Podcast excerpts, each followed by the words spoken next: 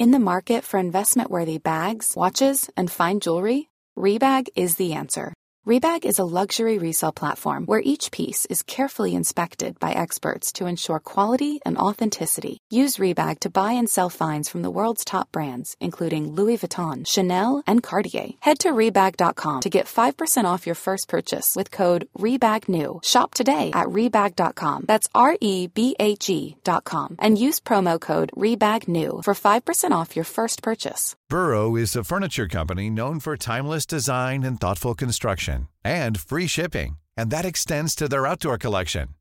Their outdoor furniture is built to withstand the elements, featuring rust-proof stainless steel hardware, weather-ready teak, and quick-dry foam cushions.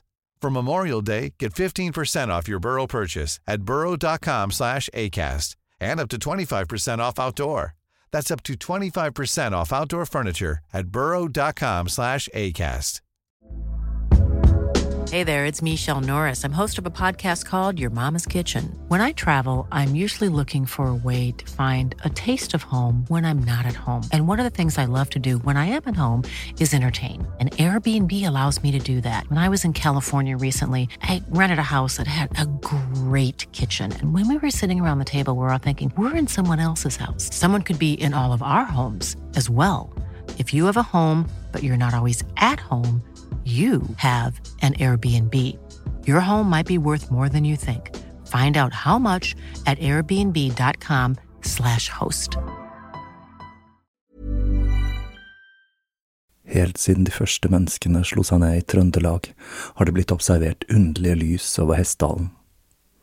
Fenomenet har blitt forsøkt bortforklart som syner sett av bygdetullinger og deliriske hallusinasjoner forårsaket av den lokale drikkekulturen. Men det skulle vise seg at fenomenet stakk langt dypere, når Hessdalen-fenomenet fikk verdensomspennende oppmerksomhet i ufo-miljøet på 1980-tallet. Fenomenet er fremdeles der, og det er fremdeles like uforklarlig som den gang. I 2024 kommer en podkastserie i seks deler, produsert av Project Hessdalen, som kanskje en gang for alle skal finne svar på hva som rører seg på himmelen i denne bortgjemte dalen i Trøndelag. Serien har som seg hør og bør fått tittelen A Blaze in the Northern Sky, og den kommer til din favorittpodkastavspiller i 2024.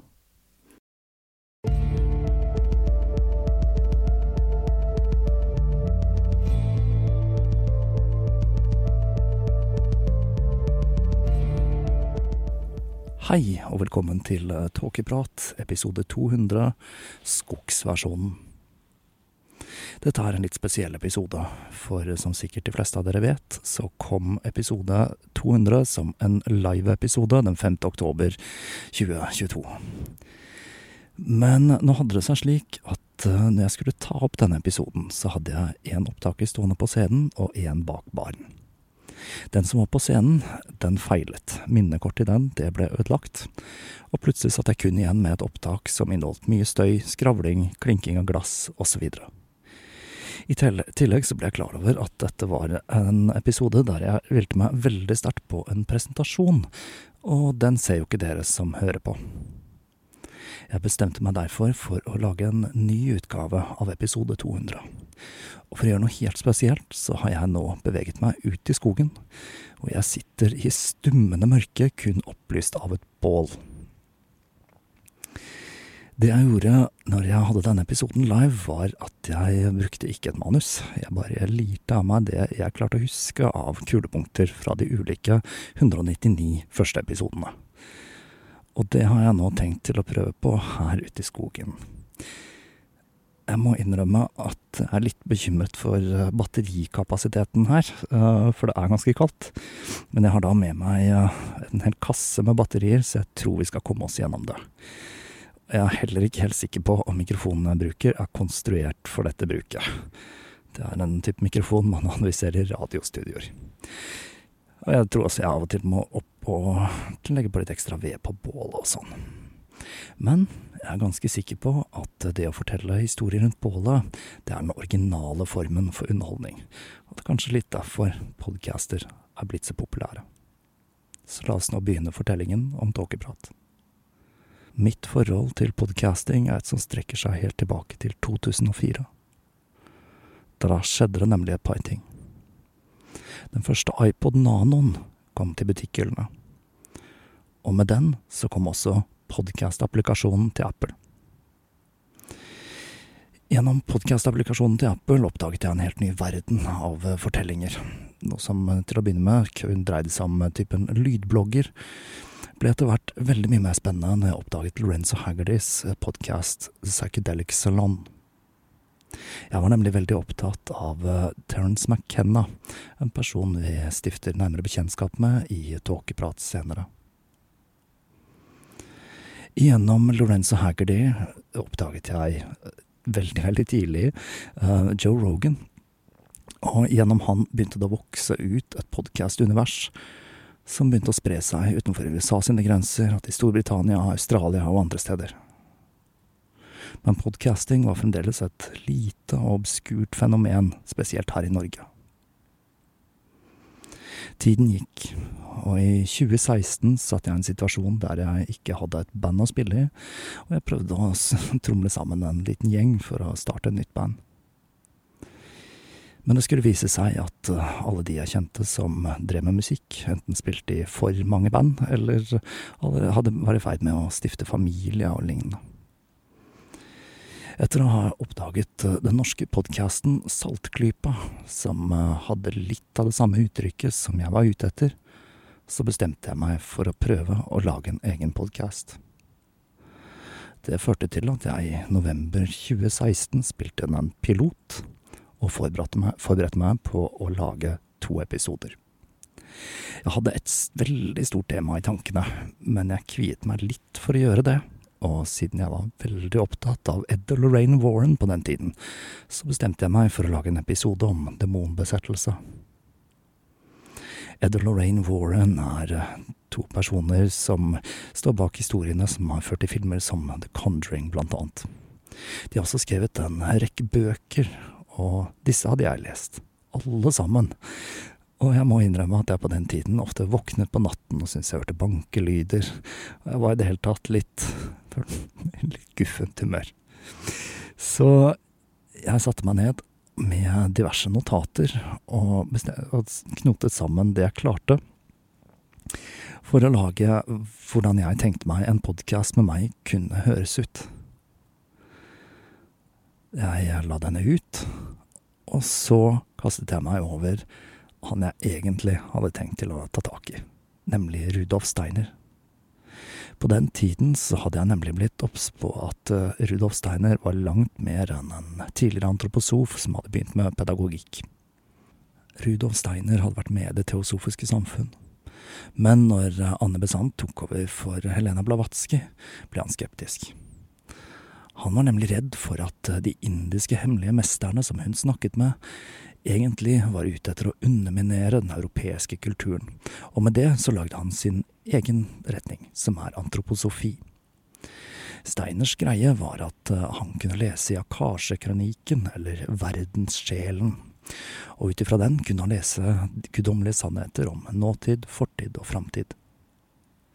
Dette førte til at han kom opp en rekke rekke ideer som spente seg fra arkitektur og økonomi til uh, ting som utdanning og landbruk. Jeg må si at jeg var ganske irritert når jeg lagde denne episoden, og jeg tror nok jeg kommer til å besøke Rudolf Steiner igjen. Men jeg tror også at det er mange som eh, vil få seg en liten vekker, og når de finner ut hva faktisk Rudolf Steiner sto for og mente. Etter å ha frest fra meg om Rudolf Steiner, så beveget jeg meg videre til Robert E. Howard i episode nummer tre, Sverd og trolldom. I denne episoden så kikket jeg litt nærmere på Rudolf, nei, Rudolf Steiner, sier jeg. Robert E. Howard sitt forfatterskap. Uh, mannen som nok er mest kjent for Konan her til lands. Det som er flott med Howard, det er skrivestilen hans, som er ekstremt svulstig. Og jeg må si at vår egen Aune Sand tidvis minner om Robert E. Howard, selv om tematikken er vidt forskjellig. Og nå må jeg bort, og så skal jeg rote litt i bålet her. Hang on.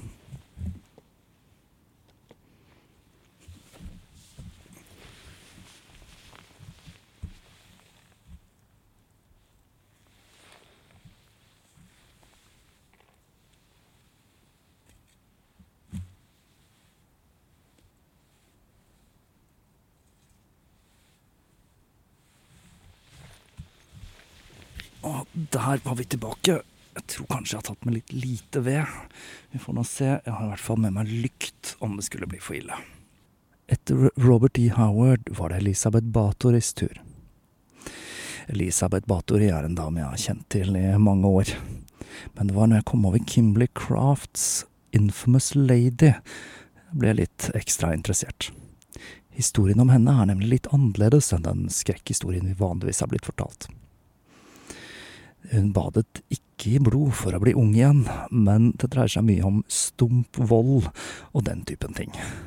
Og det er en ganske fæl historie, hvor jeg da bestemte meg for å dramatisere deler av den ved å leve meg inn i offerrollen til jentene som ble drept av Elisabeth.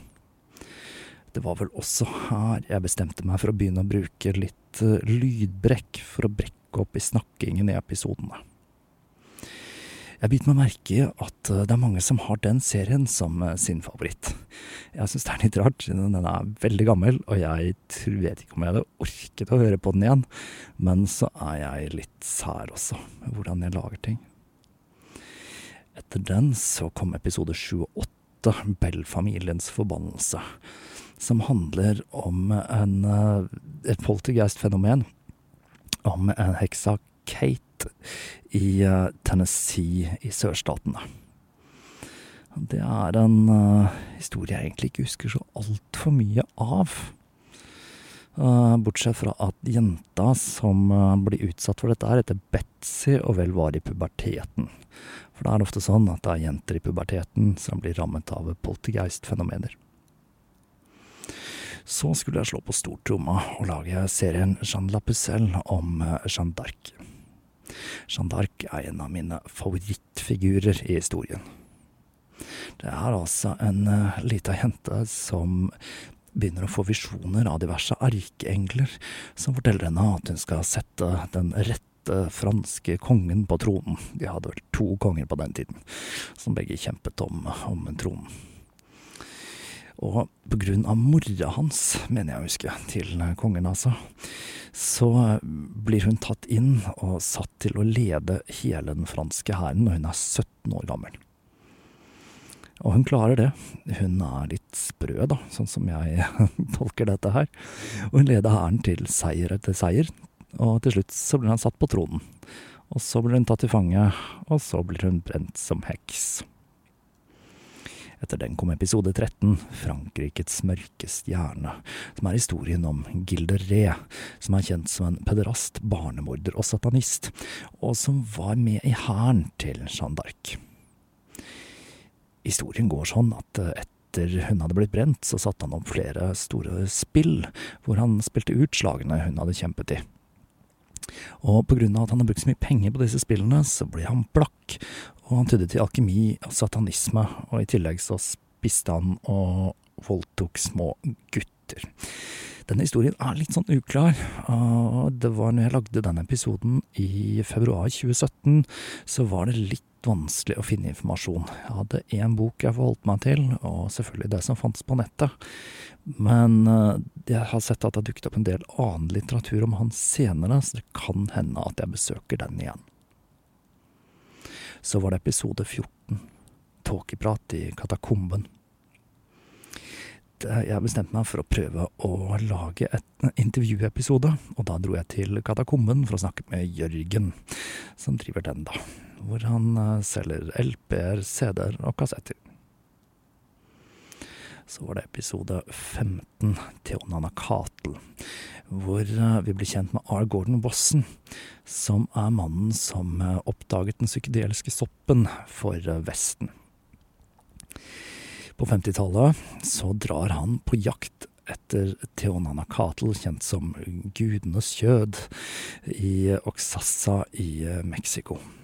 Og der ble han introdusert for en curandera, Maria Sabina, og han blir eh, tatt med på et soppritual. Etter han har vært der, så blir han intervjuet av Time Magazine, og det fører til at uh, beatniker og tidlige hippier flokket ned for å prøve å få tak i denne soppen. Han, uh, han godeste Aasen hadde avgitt et løfte til Maria Sabina at han ikke skulle fortelle noen om soppen, og det førte til at hun ble utstøtt av landsbyen sin. Heldigvis så ble hun tatt inn igjen før hun døde. Men det var egentlig starten på den moderne psykedeliske bevegelsen, som jeg kommer mer tilbake igjen til senere. Etter han gode R. Gordon Wasson så var det Howard Phillips Lovecraft sin tur. En av mine desiderte favoritter. Det var det gøy å dykke ned i livet til Lovecraft, som fremstår som en svært underlig figur. For det første så er jeg vel ganske sikker på at mannen som ga oss figurer som Kutulu og Yogg-Sottot, uh, var på spekteret, for å si det litt forsiktig. Han var blant annet antisemitt, men giftet seg likevel med en jødisk dame. Han hadde også en merkelig måte å skrive på, i motsetning til Stephen King, som uh, har en arbeidsmetode der man bare skal sette seg ned og jobbe og jobbe og jobbe. Så satt Lovecraft og ventet på musen. Han satt og ventet på at inspirasjonen skulle komme til han, og det gjorde at han ikke skrev så veldig mye. Etter Lovecraft så prøvde jeg meg på enda en uh, intervjuepisode, og jeg dro og intervjuet uh, en som driver et flytetankstudio. Det er Oslo Floating. Uh, hva er det han heter igjen? Det er det, jeg husker jo ikke det i hodet, vet du. Carl er det han heter. Godeste Carl Christie. Det var litt artig, da. Det skulle selvfølgelig vise seg at han var kjempepodkast-interessert, akkurat som meg. Det var ikke så mange som var det tilbake i 2017. Etter jeg hadde vært og snakket med Carl og testa litt flytetanker og litt forskjellig, så begynte jeg på den første virkelig store serien min når jeg kastet meg over Folkets tempel om Jim Jones. Jeg var nemlig veldig nysgjerrig på å finne ut hva som drev nesten tusen mennesker til å begå kollektivt selvmord på en sånn merkelig plass som Guyana. Det skulle vise seg at dette ble litt av en reise. Folkets tempel de gjorde en del bra ting. Blant annet så hjalp de vanskeligstilte svarte i USA i en tid hvor man hadde segregasjon. Og jeg fant til slutt ut, tror jeg er min store konklusjon, at dette selvmordet som skjedde, det var ikke så mye et selvmord som en massakre. Det fins andre eksempler der folk har gått frivillig inn i døden for en kult, men i dette tilfellet så dreide det seg nok mer om et ja, rett og slett en massakre. Det er ganske lenge siden jeg hadde den episoden, eller den serien. Uh, så når NRK ringte meg her, var det i fjor høst eller noe sånt, og skulle ha meg inn til å snakke om Folkets stempel, så ble jeg litt satt ut. Uh, selv om jeg fint kunne svart på de enkle spørsmålene det visste at de hadde. Ja ja. Etter Folkets tempel så var det den vesteuropeiske, vesteuropeiske heksekulten i episode 27 og 28, som tar for seg uh, The Witch Cult in Western Europe av Margaret Murray, som er en, en bok med kultstatus, må vi vel kunne si. Det Murray var på jakt etter, var spor etter en heksekult i Europa som spenner seg langt, langt, langt tilbake i tid. Hun mener at hun fant den ved å analysere um, ting, intervjuer fra hekseprosessene. Men her må det jo sies at det var det hun lette etter, og det var derfor hun fant det. Hun gikk jo inn med masse, masse bias. Men jeg må si at selv om uh, arbeidet hennes er blitt dementert i ettertid, så kan det hende at hun var inne på noe et par steder der. Jeg har litt på følelsen at det er mer med Murray enn uh, enn vi ser. Jeg syns ikke hun skal avskrives helt. Etter denne så bestemte jeg meg for å gyve løs på litt krigshistorie, bare for å vingle litt fram og tilbake, og jeg begynte på Døtre av Det tredje riket. Dette endte opp med en serie i fire deler, hvor jeg ser på kvinnebevegelser før og under krigen. Og kvinners rolle i annet holocaust. Det er nemlig et tema jeg visste veldig lite om, og det er et tema det er skrevet veldig lite om. Det har nok litt med å gjøre at etter at russerne stormet inn i Berlin, så følte man at kvinnene i Tyskland, de hadde unngjeldet nok. Men det, det var ganske interessant og fælt. Kvinner var jo veldig delaktige, annet i, i uh, eutanasiprogrammet. Og så har du disse veldig kjente figurene, da, sånn som Irma Grese og sånn, som holdt på i konsentrasjonsleirene. Men uh, det har vært å merke seg da at under folkemord så er alle med, både kvinner og menn. Selv om eh, menn nok utgjør brorparten, da, skal vi være helt ærlige her. I episode 33 tok jeg for meg Kongen i gult, som er en novellesamling skrevet av Robert V. Chambers. Det er en novellesamling som er utrolig kul, og som har inspirert blant annet Lovecraft senere. Jeg gjorde det først og fremst for å ha muligheten til å leke litt med teksten til Chambers. Etter Kongen i gult så gikk turen over til Salem, og jeg tok for meg hekseprosessen i Salem, som er vel noen av de mest omtalte, uh, som foregikk vinteren 1692 i Salem, Massachusetts. Det var litt interessant, for jeg har hørt uh, mye forskjellig om hva som kan ha forårsaket dette. Blant annet at det skulle ha blitt forårsaket av ergot, som er en snyltesopp som uh, kan blant annet ha litt hallusinerende virkning. Men min konklusjon er nok dette dreide seg mer om uh, hysteri og unge jenter som uh, fikk føle litt på en makt de ikke hadde i det puritanske samfunnet i Massachusetts. For øvrig er det verdt å merke seg at teksten her ble hengt, de ble ikke brent. Etter det så var det episode 37, Nattens barn, hvor jeg rett og slett tok for meg ulike former for vampyrer, i sine forskjellige former og fasonger. Det føles litt rart å sitte her i den mørkeste skogen og snakke om dette, men ja ja. Får håpe dette opptaket når dere. Skal vi se, har jeg noe batteri igjen her, Jeg tror jeg har litt batteri. Og vi har én strekk. Vet du hva jeg skal gjøre? Jeg skal skifte batteri. Et øyeblikk. Sånn, da var vi gjennom eh, de første batteriene. Og da er vi i gang igjen her. Jeg håper at denne episoden ikke blir kjedelig, fordi eh, det er veldig mye bortkasta arbeid. Ok, da hadde vi altså Nattens barn, og så er det Sønn av dragen om Vlad Tepers. Det er også en figur jeg har hørt mye om, og Vlad Tepers og tresnittene hans er vel, eh, tresnittene han er vel kjent som kanskje verdens første skrekkhistorie, rett og slett. Han var en fæl fyr, vi kan vel eh, slå fast det. Det jeg eh, tar med meg fra den episoden, er at i Valakia, hvor han holdt på, så hadde kvinnene en nærmest ikke-status. De var omtrent som kveg. Og det førte til at det var kun faren som betød noe for om barna skulle arve eller ikke. Så altså disse voivodene som raste rundt og hadde masse elskerinner og masse barn, så ble det litt sånn trøblete, da, med alle disse barna som sloss og drepte hverandre for å prøve å arve mest mulig. Det var han godeste Vlad Tepers. Og så kom episode 41 til 43. Skal vi se, jeg skal bare lene meg litt annerledes mot steinen og flytte mikken litt. Flamme bålet opp litt her og Fikk lagt på en kubbe, så det, det, er ganske bra.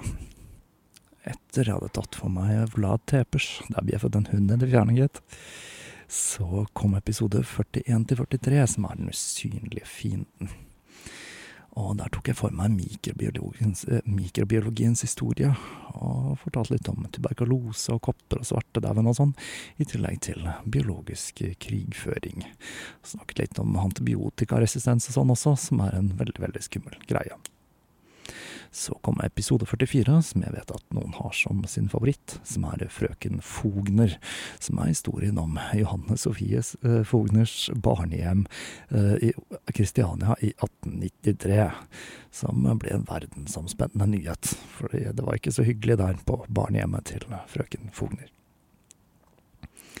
Så kom en serie jeg er ganske stolt av, og det er Prometheus-serien om Alistair Crowley som var episode 45 til 49. Crowley levde mildt sagt et fantastisk liv. Han har jo senere blitt kalt verdens ondeste mann. Denne mannen som skapte sin egen ja, Vi kan nesten kalle det hans egen religion under telema. Um, jeg var opptatt av å fortelle livshistorien hans i detalj. Fra barndom og til når han eh, driver som fri, med friklatring på kalksteinsklipper, og når han forsøker å bestige K2, til alt det andre spinnville som han fant på i løpet av livet. Crowley er en veldig fascinerende figur. Han hadde jo sine dårligere sider, og det var spesielt når det gjaldt forholdene hans. Han var ikke så veldig snill mot damene sine, han Crowley. Men det jeg setter veldig pris på med han, og som jeg lærte litt mer om av å lage den serien, det var humoren til Crawley. For den var ganske morsom, om enn ikke noe banal. Så i episode 50 så lagde jeg juleprat, som da er juleprat 1. Vi har lagd en liten kavalkade, som er noe av det beste jeg vet å gjøre. Og som er grunnen til at episode 200 er en kavalkadeepisode så glad jeg er Kader at denne kommer faktisk i stereo. Én liveversjon og én Ute i skogen-versjon. I år så tenker jeg jeg må gjøre noe annet til på denne julepratepisoden, siden jeg har laget en episode 200.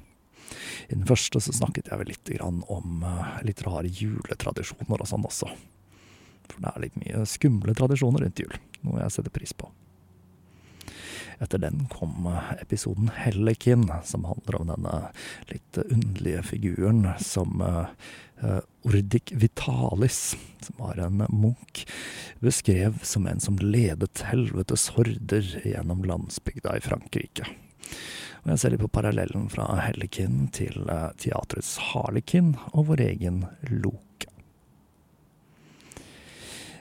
Etter den så kom La Fée de Poisson, som er en fortelling om en giftskandale ved Solkongens hoff på 1600-tallet i Frankrike.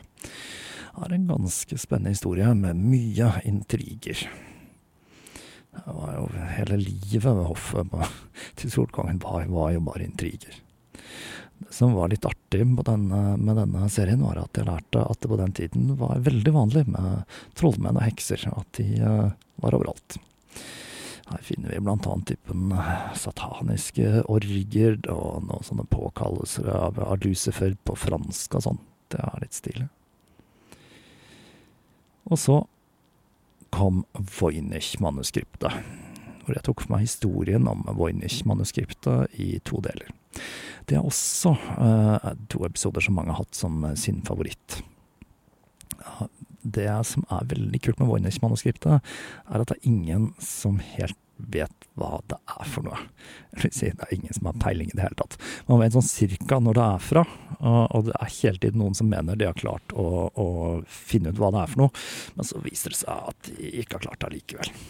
Det kan hende at det rett og slett dreier seg om sprøyte, altså, hele greia.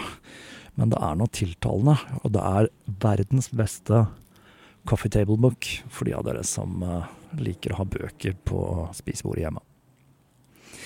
Etter Voynich-manuskriptet gikk jeg over til Pervitin, som er en serie jeg baserte på det nordmann Olers Blitzt, det der, det der. Han er uh, ikke en historiker, men boka som han skrev, Blitzt, den har vakt en del oppmerksomhet. For han rettet nemlig søkelyset på bruken av metamfetamin i Det tredje riket, og den var ganske utstrakt. For meg så var dette litt interessant, fordi nazistene de startet denne berømte krigen mot narkotika. Og da var det kokain og opium som fikk unngjelde, for det var nemlig sånn, sånn rusmidler som jødene drev med. I motsetning til metamfetamin, som var supert å ta annet for husmødre som fikk dette i form av sjokolade og sånn. I tillegg så dreier denne serien seg litt om Hitlers rusbruk og bruk av ting som steroider og sånn, som var eh, Jeg må jo si at etter å ha lest det, så er jeg ganske sikker på at jeg hadde litt å si på psyken til Hitler. Steroidene de drev og dytta seg på den tiden, det var jo nærmest avkok av dyreorganer. Også Hitler som var vegetarianer, da. Ja ja. Etter Pervitin så gikk jeg over på påskeprat i episode 61, hvor jeg tok for meg den mest uoversiktlige høytiden av dem alle, nemlig påske. Nå må jeg flytte meg litt på denne her steinen. igjen. Det er ikke supergodt. Skal jeg lage en uteepisode igjen, så skal jeg ha meg en egen stol, og ikke bare sitte og blate. I hvert fall, i denne her påskepraten så tok jeg for meg ting som kyllinger og egg og harer, og de forskjellige påsketradisjonene. Og den litt artige tingen at islam ikke har noen eh, påskefeiring. Etter å ha snakket om påske, så gikk jeg rett over til satanisme i Satans menighet. Og jeg så på historien til eh, Church of Satan og Anton LaVey. Jeg må si at det var litt skuffende. Jeg trodde det var mye mer materiale å hente der. Men uh, etter å ha tråklet meg gjennom det som fins om livet hans, så er det ganske uoversiktlig. Så vidt jeg kan få med, så jobbet han på en type freakshow hvor han spilte damporgel. Og så bestemte han seg for å lage satanisme som sin egen retning. Og han utviklet sitt eget magiske system og sånn, som egentlig er helt ok, bortsett fra at det er litt komisk innimellom, da. At det er veldig overdrevet til satanisme. Som at det er eh, whisky i altebegeret, og denne her altebjellen skal være størst mulig, og litt forskjellig. Så var det episode 64, Ranveig og Sigurd. Hvor jeg forsøkte meg på rett og slett litt eh, god gammeldags true crime fra Norge. Og det er historien om eh, denne Sigurd som gjorde tjenestejenta gravid, og endte opp med å drepe henne. Og selv ble henrettet i 1798 i Aust-Agder en plass.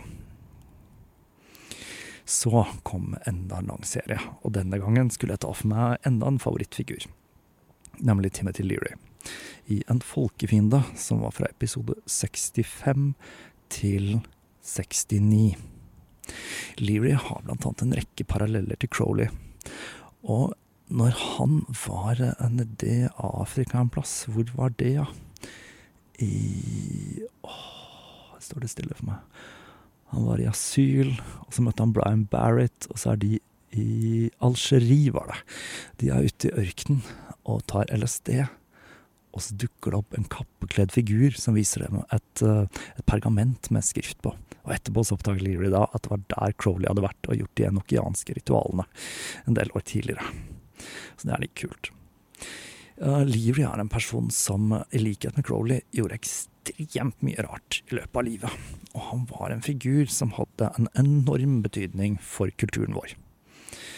Det er dessverre ikke så mange som har hørt om han uh, nå til dags. Men uh, det han gjorde, hadde kjempebetydning for utviklingen av, uh, av den moderne popkultur. Mener nå jeg, da. Etter å ha lagt Leary på hylla, så gikk jeg over til Søstre, som er en historie fra Fredrikstad. Om to søstre som var døtre av bøddelen, og som blir beskyldt for å være hekser Det er en av mine personlige favoritter, den fortellingen der. Jeg har gjendiktet ut fra noen litt sånne vage rettsdokumenter. Og så, når jeg var ferdig med Søstre, så fikk jeg en mail, jeg bare husker dette her veldig godt, fra en dame som ikke var så fornøyd at jeg hadde snakket så mye om fargen på snusboksen i denne episoden. Hun mente at jeg burde holde meg til historiene, og ikke fortelle så mye personlig. Og så var jeg litt overarbeida, og så tenkte jeg nå skal jeg lage en fæl episode.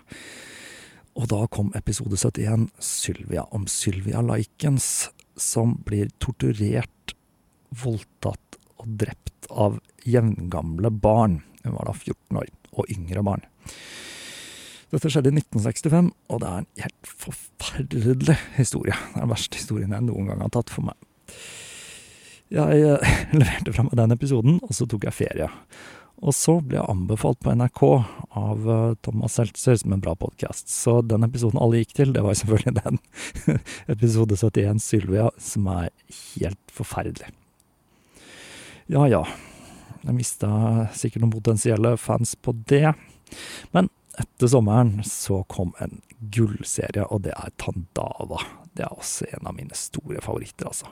Historien om Savitri Devi, som er en kvinne, eller var det en jente da hun ble født, av uh, greske innvandrere i Frankrike. Hun utvikler tidlig en forakt for uh, de allierte, pga. hvordan de behandlet uh, Hellas under den første verdenskrig, og så er hun ekstremt dyreverner fra barnsben av. Hun drar ut på jakt etter opprinnelige, og prøver først å lage seg en slags paganistisk øh, religion, basert på den gamle greske religionen i, i, Hellas. Men så begynner hun å se til India, på grunn av historien om arierne og alt dette her, da. Og så kommer hun over en sånn parade i India, hvor hun ser at to hvite figurer blir ledet foran i en parade, og de blir fulgt av en rekke med svarte mennesker, og da tenker hun aha, dette er det opprinnelige. Og så begynner hun å sy sammen sin egen teologi, basert på en blanding av hinduisme øh, og litt sånn ymse greier, og så kommer Hitler på banen. Og da mener hun at Hitler er en reinkarnasjon av Altså han er Kalki, som er den reinkarnerte uh, Vishnu, er det vel. Og han skal da ta verden inn i en ny tidsalder. Og det skal han gjøre med blod og vold. Så verden kommer inn i en ny gullalder. Uh, den er veldig veldig spennende. Er selvfølgelig, hun er jo mildt sagt en kontroversiell figur. Hun er annet med å starte moderne nynazisme senere. Men uh, ja ja, hun er litt artig. For øvrig så er det hun skriver, det minner en god del om uh, tidligere nevnte Robert E. Howard. Og kanskje litt om Aune Sand, faktisk. Hun skriver veldig, veldig svulstig. Jeg må flytte meg igjen, ja, altså. Det var ikke så godt å sitte her i skogen. Oi, oi, oi. Koselig med ball, da. Koselig med ball etter DV så var det Georgi Gurdjieff, som er en skikkelig snåling. Han er en uh, mystiker, magiker og kultist som hentet en del blant annet fra Tyrkia og fra sufiene, og blandet det med vestlig mystisisme og en del sånn, hva skal vi kalle det, rar livsvisdom. Ganske spennende og veldig komplisert, spesielt siden det meste han forteller om sitt eget liv, bare er ljug. Den historien jeg husker best der, er hvordan han klarer å ta seg ut av ørkenen ved å gå på stylter over en sandstorm. Så kom episode 79, uh, Ørnen. Og det er historien om Salman August André, som forsøkte å komme først til Nordpolen ved å fly Hey, Dave. Yeah, Randy. Since we founded Bombus, we've always said our socks, underwear, and t shirts are super soft. Any new ideas? Maybe sublimely soft. Or disgustingly cozy. Wait, what? I got it. Bombus. Absurdly comfortable essentials for yourself and for those facing homelessness. Because one purchased equals one donated. Wow, did we just write an ad? Yes. Bombas. Big comfort for everyone. Go to bombas.com slash ACAST and use code ACAST for 20% off your first purchase. Burrow is a furniture company known for timeless design and thoughtful construction and free shipping. And that extends to their outdoor collection. Their outdoor furniture is built to withstand the elements, featuring rust-proof stainless steel hardware, weather-ready teak, and quick-dry foam cushions.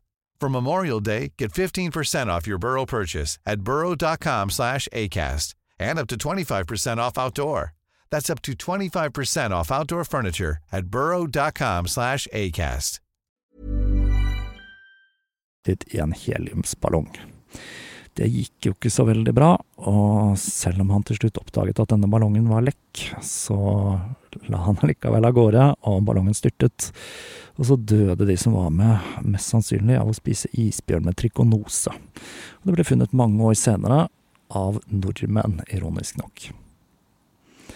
Så kom en uh, liten true crime-fortelling igjen om Leonarda Cianciulli, heter vel hun, så i såpekokeren fra Corregio. Det er historien om en kvinne som uh, drepte et par uh, damer som var litt for opptatt av sønnen hennes, og kokte såpe på dem og lagde kake som hun delte ut til naboene.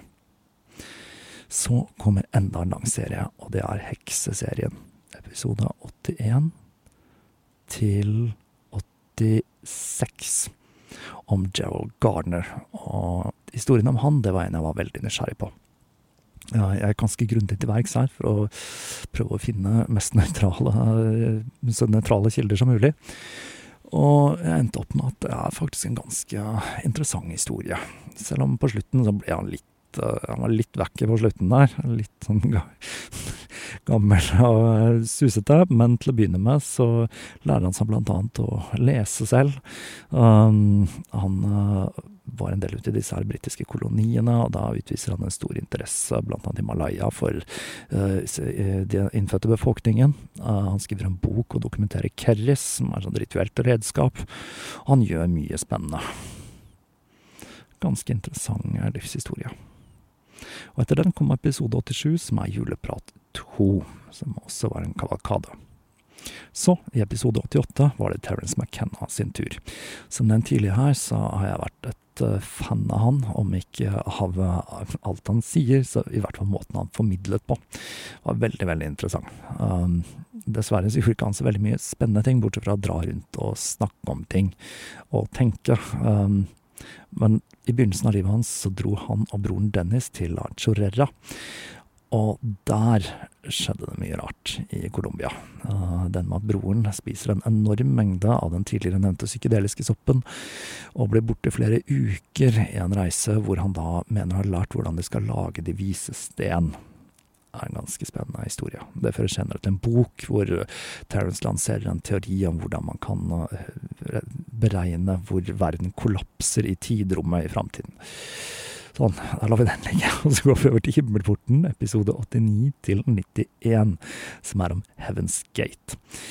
I 1997 så var det 39 mennesker som begikk selvmord uh, i denne kulten. I motsetning til historien om Folkets tempel, så begikk de selvmord frivillig. Når jeg begynte å kikke litt nærmere på teologien til Heaven's Gate, så er det faktisk langt mer en slags kristen kult enn en science fiction-kult. Som de brukte science fiction-begreper og sånn, så er det, det er rett og slett en form for kristendom, sånn som jeg ser det. Etter det så jeg var jo en kort eh, periode på moderne media, og da bestemte jeg meg for å benytte meg av studioet deres. Skal vi se, jeg må ha vann. Ja, der er vann. Og det gjorde jeg én gang, og da intervjuet jeg Nanna Melland om eh, meditasjonsteknikken vipassana. Det er en form for jeg vil jo kalle det ekstremmeditasjon, da. Man går ti dager øh, på et sånt meditasjonssenter og ikke snakker med noen og ikke kan lese og ikke spiser så mye mat. Nanna er et kjempespennende menneske, men hun så liksom ikke helt dette her at det er litt ekstremt for noen. For henne var det ikke det. Etter det så gikk jeg over til historien om Emanuel Svedenborg i Himmel og helvete. Som var en svenske som på 1700-tallet begynte å få en rekke visjoner, ikke helt ulikt det Jeanne d'Arc hadde. Han har også ført til sin egen religiøse retning. Det fins vel fremdeles svedenborgianere litt her og der. Er ganske spennende. Så var det Jack Parson sin tur. Og Jack Parson, det er en litt uh, artig skrue. Han drev av gapelosjen i Pasadena, og ble vel tenkt som en slags etterfølger av Crowley, blant annet av Crowley selv. Men han tok litt av etter hvert, uh, når han prøvde å manifestere den telemiske gudinnen Babalon på jorden. Noe han mente han klarte. Uh, det som er artig artig med Jack Parsons, er at han også var rakettforsker. Og han uh, var med å utvikle en del uh, raketteknologi som annet ble brukt til å sende oss til månen, og som ble brukt i atomvåpen. Han var en meget dyktig rakettforsker. Er ikke fullt så flink ritualmagiker, kanskje, vil noen si. Etter det så lagde jeg en episode om druider etter et lytterønske. Druidene er jo en, veldig mystisk religion, og de få nedtegnelsene vi har om dem, de er skrevet av andre, blant annet av grekerne, fordi de hadde ikke noen skreven tradisjon. Men vi vet noen ting om dem, som blant annet at eiken var hellig, og misteltein og et par sånne ting. Etter det så kom episode 100, og da ville jeg feire noe med noe som var skikkelig meg, og da valgte jeg Vam og Vennerød. Og så hadde jeg en historien om Fanetullen, da som altså er norsk true crime. Jeg har nemlig litt sånn usunt forhold til Ram og venner. Jeg elsker filmene deres på en litt sånn rar måte. Spesielt Lucky. Jeg vet at han som har skrevet boka, blant Lucky, han har hørt den episoden, og han mente det var ren utdriting. Men det er ikke ment sånn. Det er en hyllest fra meg. Jeg syns det er en eh, fantastisk eh, kul eh, norsk film. Etter historien om Vam og Vennerød, så gikk jeg over på historien om Rasputin. Det er da en eh, merkelig mystiker som dukket opp i, under den siste tsaren, tsar Nikolai. Uh, og han hevdet å kunne kurere denne sønnen tsaren Nasarina han hadde, som var bløder. Etter hvert så blir han en slags eh, syndebukk for alt som er galt med tsardømmet. Han blir jo til slutt uh, drept, da. Jeg er litt sånn usikker på disse beskrivelsene han uh, har, man har av hva han, han, gjorde med disse damene som fulgte han. Det var nemlig stort sett damer som fulgte etter Rasputin. Det var mye kyssing og klemming og snakk om kjærlighet og sånn. Jeg er litt sånn Hva er egentlig det der for noe? Er det, jeg ble aldri helt klok på det av historien hans. Så tok jeg for meg Doreen Valiente Sånn, nå må jeg flytte meg igjen. Vent litt.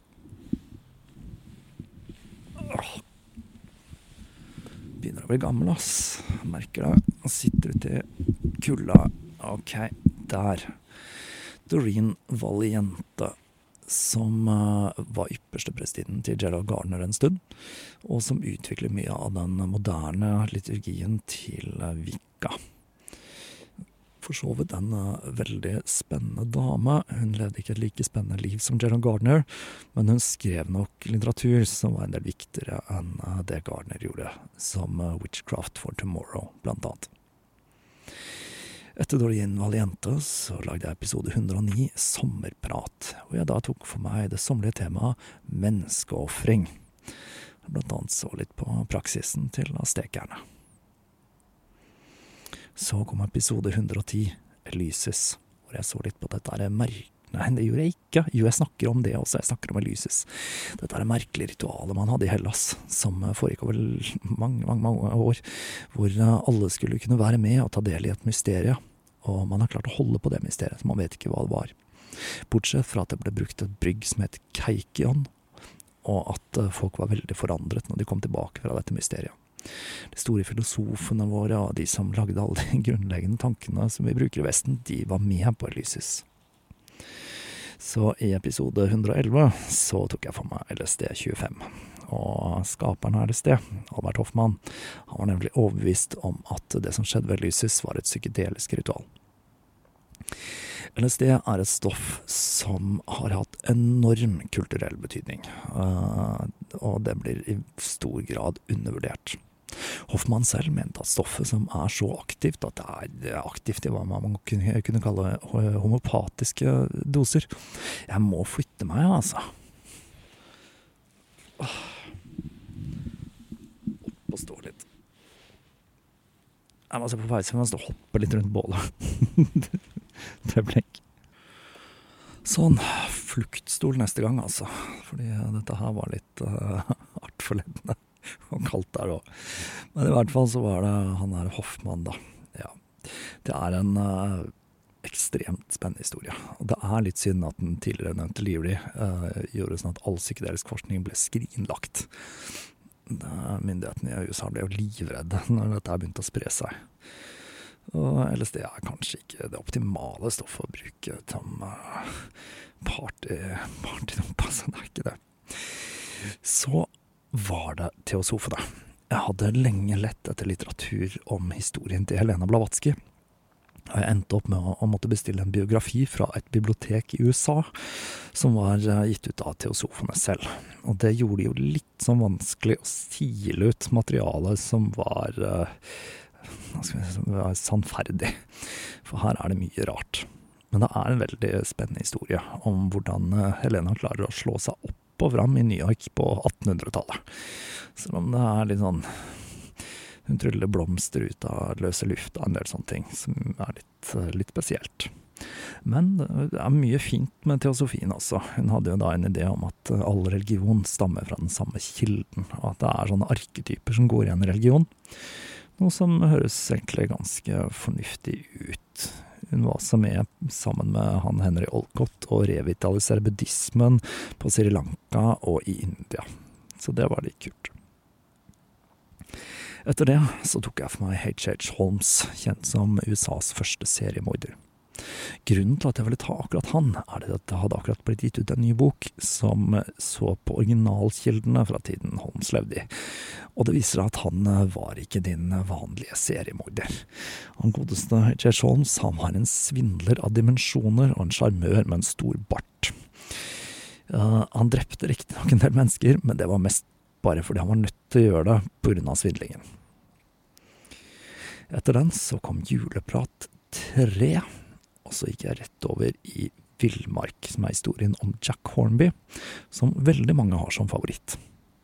Og det er en ganske kul historie om hvordan denne oppdageren Jack Hornby reiser dypt, dypt inn i den canadiske villmarka uh, på et, en ekspedisjon som bare måtte gå galt. De reiser på en plass hvor uh, selv de innfødte ikke turte å overvintre. Han var sikker sikker på at han visste hvor den karribuen skulle eh, bevege seg på vinteren. Det viste seg at det var jo feil, og så har det kommet fram at han antageligvis hadde syfilis òg. Så han hadde kanskje litt ikke de beste beslutningene. Så litt på grunn av det så lagde jeg episode 124, som er en liten episode om syfilis. Jeg tok nettopp for meg syfilis. En sykdom som har preget menneskeheten i lang, lang tid. Så gikk jeg over til norsk historie i Minister doktor Lunde, episode 125 til 126, om Gulbrand Lunde, som var en professor i kjemi, og som var et av de første medlemmene i Nasjonal Samling.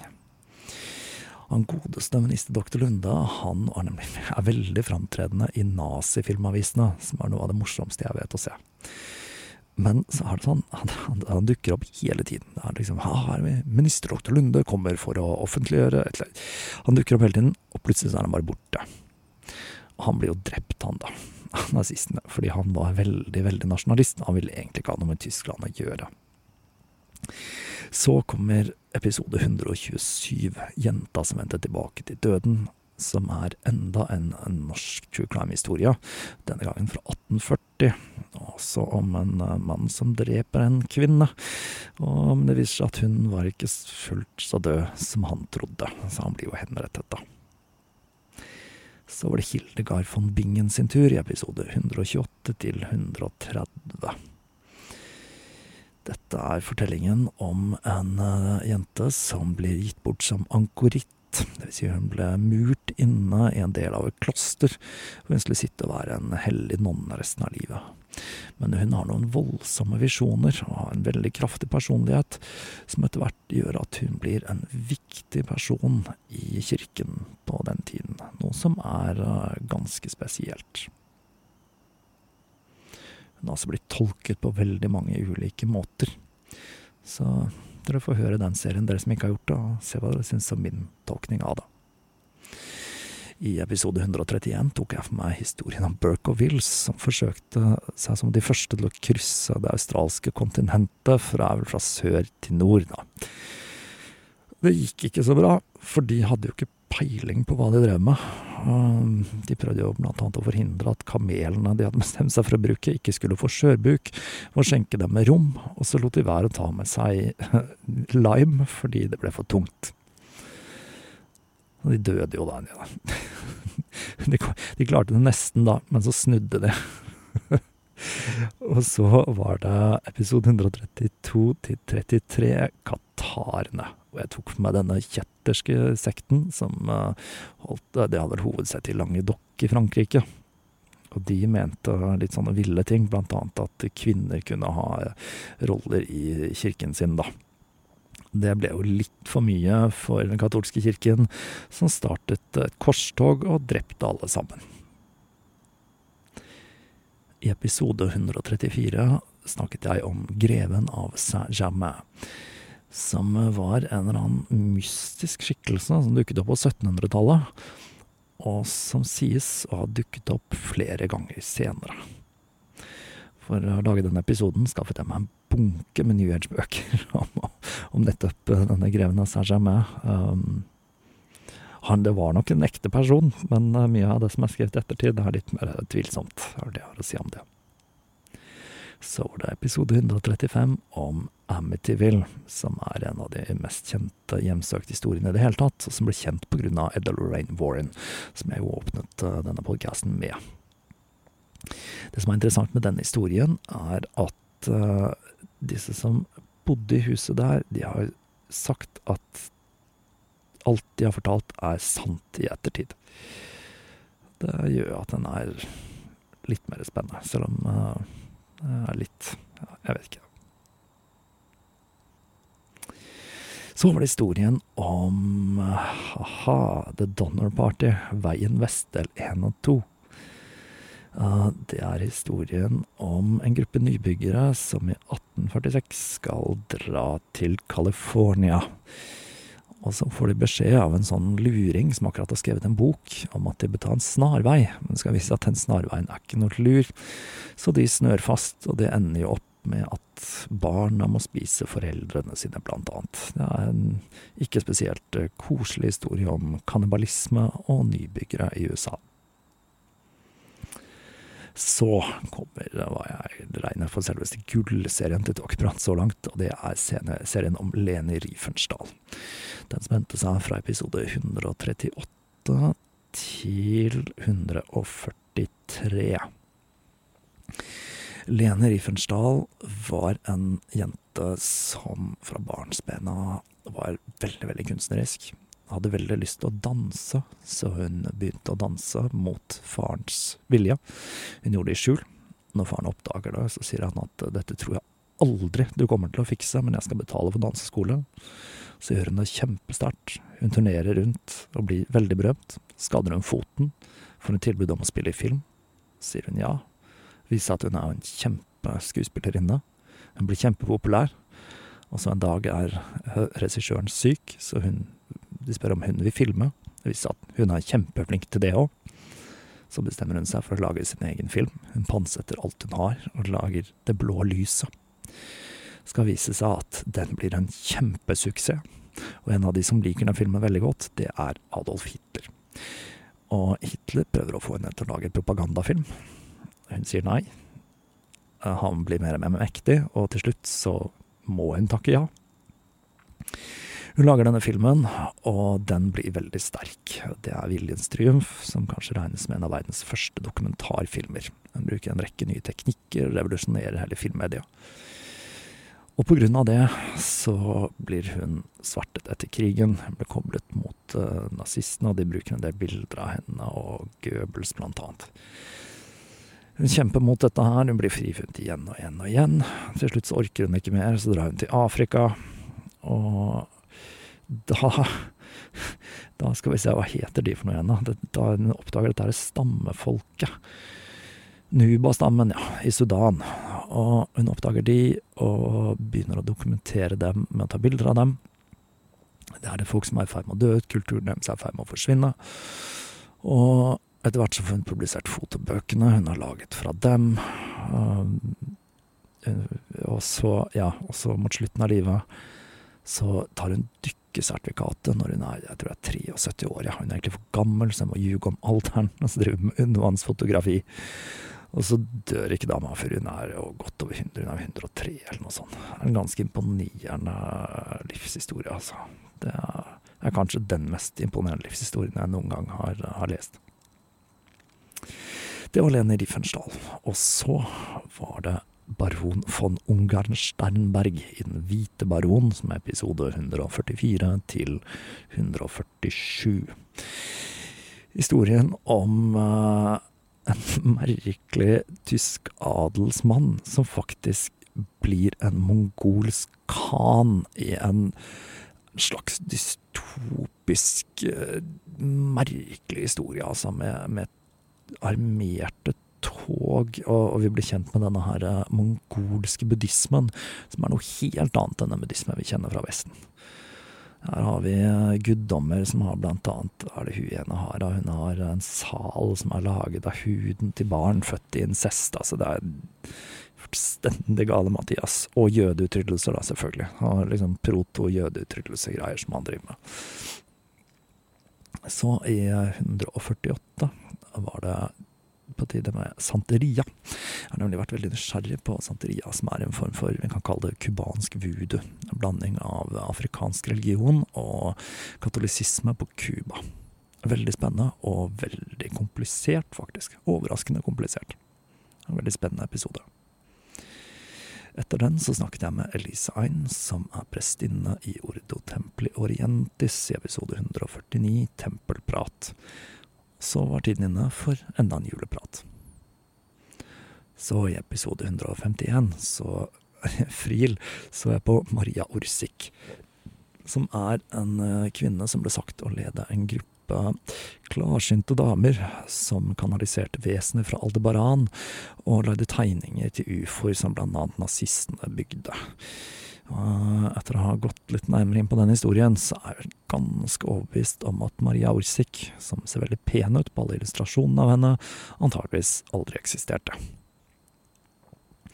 Så var tiden inne for Walter Freeman i, i serien Walter, som er episode 152 til 155. Her så jeg litt på mannen som populariserte lobotomi, og han oppfant ishakkelobotomien, hvor man da lobotomerer ved å hakke inn i hjernen bak, inn, i øyehulen forbi øyet. Noe som gjør at man kunne uh, drive med lobotomi uten å sterilisere først. Og noe som gjorde det veldig effektivt. Det var en metode som annet ble veldig populær i Norge. Så kom episode 156, Hjernevirus, som nok er den mest personlige episoden jeg har laget. Der uh, snakket jeg med blant annet uh, Thomas Seltzer, Lars Dæhlie og ja, Mari Stensrud, min eks. Det var ikke blant annet, det var alle som var med. Og vi snakket litt om uh, depresjon og pandemien og sånt som herjet da. Jeg har uh, slitt noe med depresjon. Og da, da, hadde jeg en episode hvor jeg var helt ute av det, og hadde rett og slett bare lyst til å løfte det litt opp og fram, fordi jeg er jo ikke den eneste som har slitt med den slags. Så var det episode 157 til 161, som er historien om John Hawkwood. En ganske så komplisert historie, det, fra middelalderen hvor jeg tok for meg John Hawkwood, som var en britisk leiesoldat som eh, gjorde en kjempekarriere i de italienske bystatene. Det er en uh, historie som formelig lukter av sykdom og krig, det der. Det er også litt interessant at leiesoldathæren hans var den største hæren i Europa på et tidspunkt. Han tilhørte ikke noe land eller stat, han bare rene leiesoldater. Så i episode 162 jeg, tok jeg for meg Lilith, som er en ganske så spennende figur fra jødisk mystisisme. Det er for øvrig den eneste gangen jeg har blitt uh, Jeg ble ikke sensurert. Uh, jeg la den ut som YouTube-episode, og siden det er pupper på forsiden, så ble den gitt 18-årsgrense av YouTube. Det er verdt å merke seg. Så var det Dion Fortune sin tur. Ja, nå må jeg flytte på meg igjen, ja, altså. Altså, neste gang. neste gang. Jeg vet ikke Det blir så mange opptak i skogen, altså, dette her. Men uh, en gang må jo være den første. Skal vi se. Sånn. Der. Altså, det er litt bedre. Så var det Dion Fortune sin tur.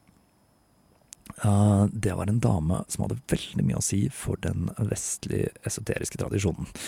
Uh, det som er med henne, er at hun levde ikke så veldig spennende liv. Hun skrev en del spennende bøker, men det var litt utfordrende, da, å lage en serie i tre deler om henne. Men jeg følte at jeg måtte gjøre det, fordi skal jeg ta for meg disse her store okkulte personlighetene, så er hun bare en jeg måtte ha vært innom. Eh, et høydepunkt er vel at det er en sånn jeg tror det er en vampyrolog da, som driver og jager et eller annet poltergeist rundt i en episode der, når jeg husker sånn vagt. Etter Dian Fortune så var det Gabriel Denancio, som er mannen som mer eller mindre oppfant nazismen Nei, nazismen, sier jeg. Fascismen. Han var liksom eh, frontfiguren til den italienske fascismen. Han var også veldig glad i damer, på sin litt spesielle måte.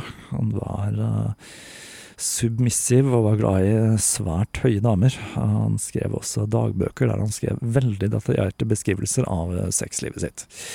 I tillegg så var han en liten litt sprø. Han var jo akt, deltok aktivt i, i, krigen, blant annet. Uh, og han var jo da også en forfatter av rang. Han skrev kjempeflott. Uh, jeg har ikke funnet noen gode oversettelser av han, men av det lille jeg har fått med, så er, uh, var han meget dyktig til, uh, til, å skrive. Han er sikkert dyktig til andre ting òg. ok, så var det episode 172, Norrøne skrømt, som er en historie om uh, gjengangere på Island i vikingtiden.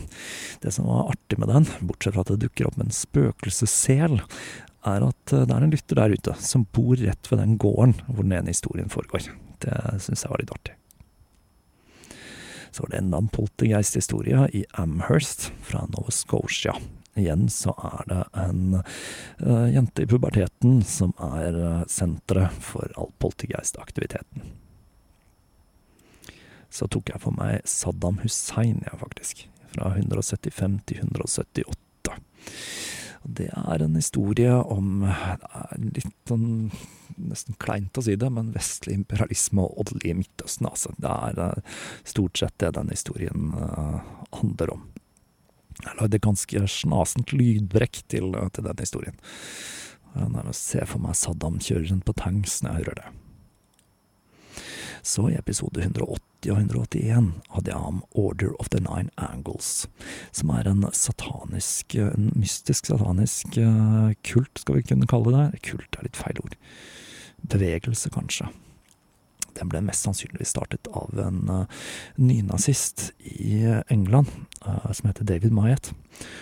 Og det var en veldig undergrunnsbevegelse i mange år, men med internett så har den klart å bre om seg, og den har, nå, har, nok en del aktive medlemmer i dag. Det som er spesielt med den, er at de er kun ute etter å lage død og faenskap, for til slutt da å kunne skape en intergalaktisk, satanisk, nynazistisk sivilisasjon. Det er en veldig rar historie. Det er faktisk en del drap forbundet med denne bevegelsen. Så den er en sånn underlig skummel greie. Så hadde jeg episode 182 om Marie Levaux, som er eh, voodoo-dronningen av New Orleans. Jeg må si det var litt kult å lese om henne og de magiske systemene som eh, hun brukte. Da fikk jeg satt meg litt inn i voodoo, blant annet uh, kistemagi og en del sånne ting. Mye jord fra kirkegård i, i voodoo-magi. I episode 183-84 så så jeg på enhet 731, som var det japanske bakteriologiske og kjemiske uh, eksperimentprogrammet uh, under, før og under andre verdenskrig, hvor de eksperimenterte på mennesker, blant annet for å finne ut hvor mye kulde menneskekroppen kunne tåle. Og i motsetning til eksperimentene til nazistene, som var litt mer en sånn tullball, som Mengele som sprøyta farge inn i øyeepler for å se om de kunne endre øyefargen og sånn, så har man brukt en del av dataene fra de eksperimentene i ettertid. Uh, japanerne var nøye. Så det er rett og slett en jævlig historie, altså. Ikke, ikke mye koselig. Og vi har hørt veldig lite om det. Det er liksom bare tyskerne vi hører om. Etter det så lagde jeg en serie om Marjorie Cameron. Det var hun Jack Parsons mente hadde inkarnert denne gudinnen Babalan i seg. Uh, hun er en ganske spennende kunstnersjel, som levde liksom fra Crowley sin tid, gjennom beat-generasjonen, opp igjennom hippietida og fram til vår tid. Og hun lå litt sånn i bakgrunnen der hele veien. Hun var nok ikke helt i vater, hun der, men uh, hun har lagd en ganske kul kunst. Det var synd at hun satt fyr på mesteparten av den. Det, ja. I episode 189 uh, som var den 28. april 2022. Da hadde jeg min første live på Kafé Hærverk i Oslo. Det var ganske kult. Da tok jeg for meg nautiske myter og fortellinger fra havet. Og da prøvde jeg en ren historielesningspodkast med manus for et levende publikum, og det fungerte overraskende bra. Og det er noe jeg tror jeg kommer til å gjøre igjen. Jeg skulle veldig gjerne gjort Bergen og Trondheim, altså. Det blir veldig dyrt, da, å komme seg dit. Så det er noen som har kontaktet med meg, meg om det, men jeg har ikke funnet noen god løsning på det ennå. Så var det serien EDB, hvor Ken Webster i 1984 eh, får kontakt med en person fra 1700-tallet gjennom en sånn gammel BBC Hva er det de kalte datamaskinene for det? BBC Micro, hva er forkortelsen? Står for microcomputer, selvfølgelig er en veldig rar historie. Litt slitsom, den der boka han skrev om dette her. Så jeg ville kanskje klart meg med, med, serien min. Der får du de store linjene, i hvert fall i fortellingen til Ken Webster.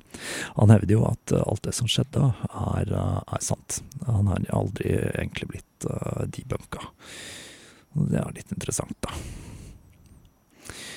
Så kom uh, en liten historie om svarte enker i episode 193, det vil si kvinner som dreper menn. Gjerne da med ekte menn for å arve dem. Og der fikk jeg en, en jente som var en elev av meg i sjuende klasse, til å tegne forsiden. Og det syns jeg ble så bra at hun fikk tegne forsiden til episode 194, Guttastemning også. For da var det nemlig guttas tur, og det vi gutta er best til, det er folkemord og massaker. Massakrer. Massakrer som bøyer det. Massakrer. Ja. Og så den siste serien jeg lagde før denne episoden, som er serien om Marilyn Monroe. Det kom mystisk mye ting om Marilyn Monroe ut i Det kom både en ny serie på Netflix, jeg ser det kom noen podkast-serier og sånn. Jeg har på følelsen at ingen av de forteller historien like godt som jeg gjorde i den serien. Det gikk utrolig mye arbeid med til den. Uh, også fordi jeg holdt på med å forberede til denne episode 200 samtidig. Så for de av dere som er interessert i å bli litt mer kjent med Marilyn Monroe, det er rett og slett fryktelig, fryktelig trist historie. Uh, mye om psykisk helse og rus, så kan jeg anbefale den. Og så har vi da denne episode 200. Nå begynner bålet faktisk å slukne litt her. Jeg tror jeg snart skal begynne å bevege meg, for nå begynner jeg å bli temmelig stiv og kald. altså. Nå skal jeg flytte litt meg igjen. Jeg er veldig spent på åssen dette opptaket blir, om eh, det blir brukende. Jeg håper det, fordi uh, dette tok noen timer å komme seg ut dit. Nå skal jeg eh, prøve å pakke opp sekken med hodelykt og komme meg tilbake hjem og mikse sammen og se om dette, dette går an å bruke til noe. Nå ser jeg fram til 200 nye episoder. Jeg er litt spent på åssen den veien vil bli. Er, siden jeg startet dette her i 2016, så har jo podcaster eksplodert her til lands. Nå driver jo alle influensere og gud og hvermann skal ut og lage podcaster. Og det er greit, det. Jeg har ikke noe imot det, men det gjør jo det at sånne podcaster som min, da, som har eh, vært der en stund, og som jeg mener har litt mer tyngde enn mange andre, kanskje blir litt usynlig i mengden. Det at jeg heller ikke er på eh, f.eks. NRK, gjør jo at det er litt vanskeligere å se. NRK er for øvrig et av de få selskapene jeg godt kunne tenkt meg å å være på, siden de faktisk da ikke har reklame. Nå ser jeg det kommer det følge med hodelykter i det fjerne her. Så nå tror jeg tiden er inne for meg å pakke sammen. Da ser jeg fram til 200 nye episoder. Vi høres igjen om ikke lenge.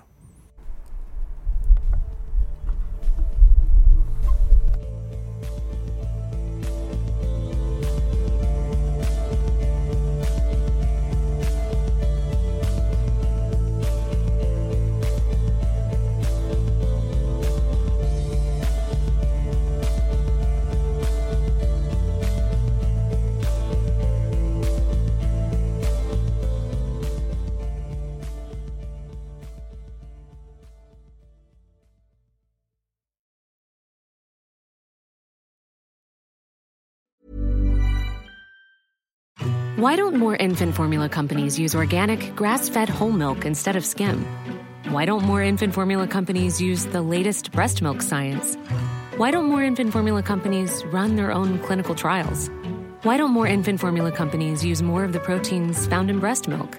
Why don't more infant formula companies have their own factories instead of outsourcing their manufacturing? We wondered the same thing. So we made ByHeart, a better formula for formula. Learn more at byheart.com.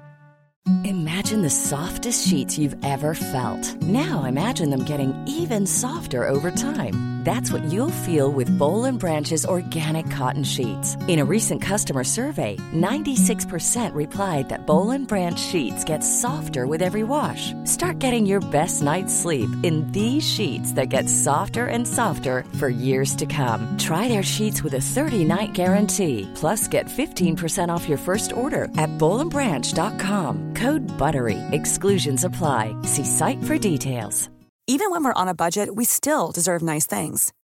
Quince is a place to scoop up stunning high-end goods for 50 to 80% less than similar brands. They have buttery soft cashmere sweaters starting at $50, luxurious Italian leather bags, and so much more. Plus, Quince only works with factories that use safe, ethical, and responsible manufacturing. Get the high-end goods you'll love without the high price tag with Quince. Go to quince.com/style for free shipping and 365 day returns.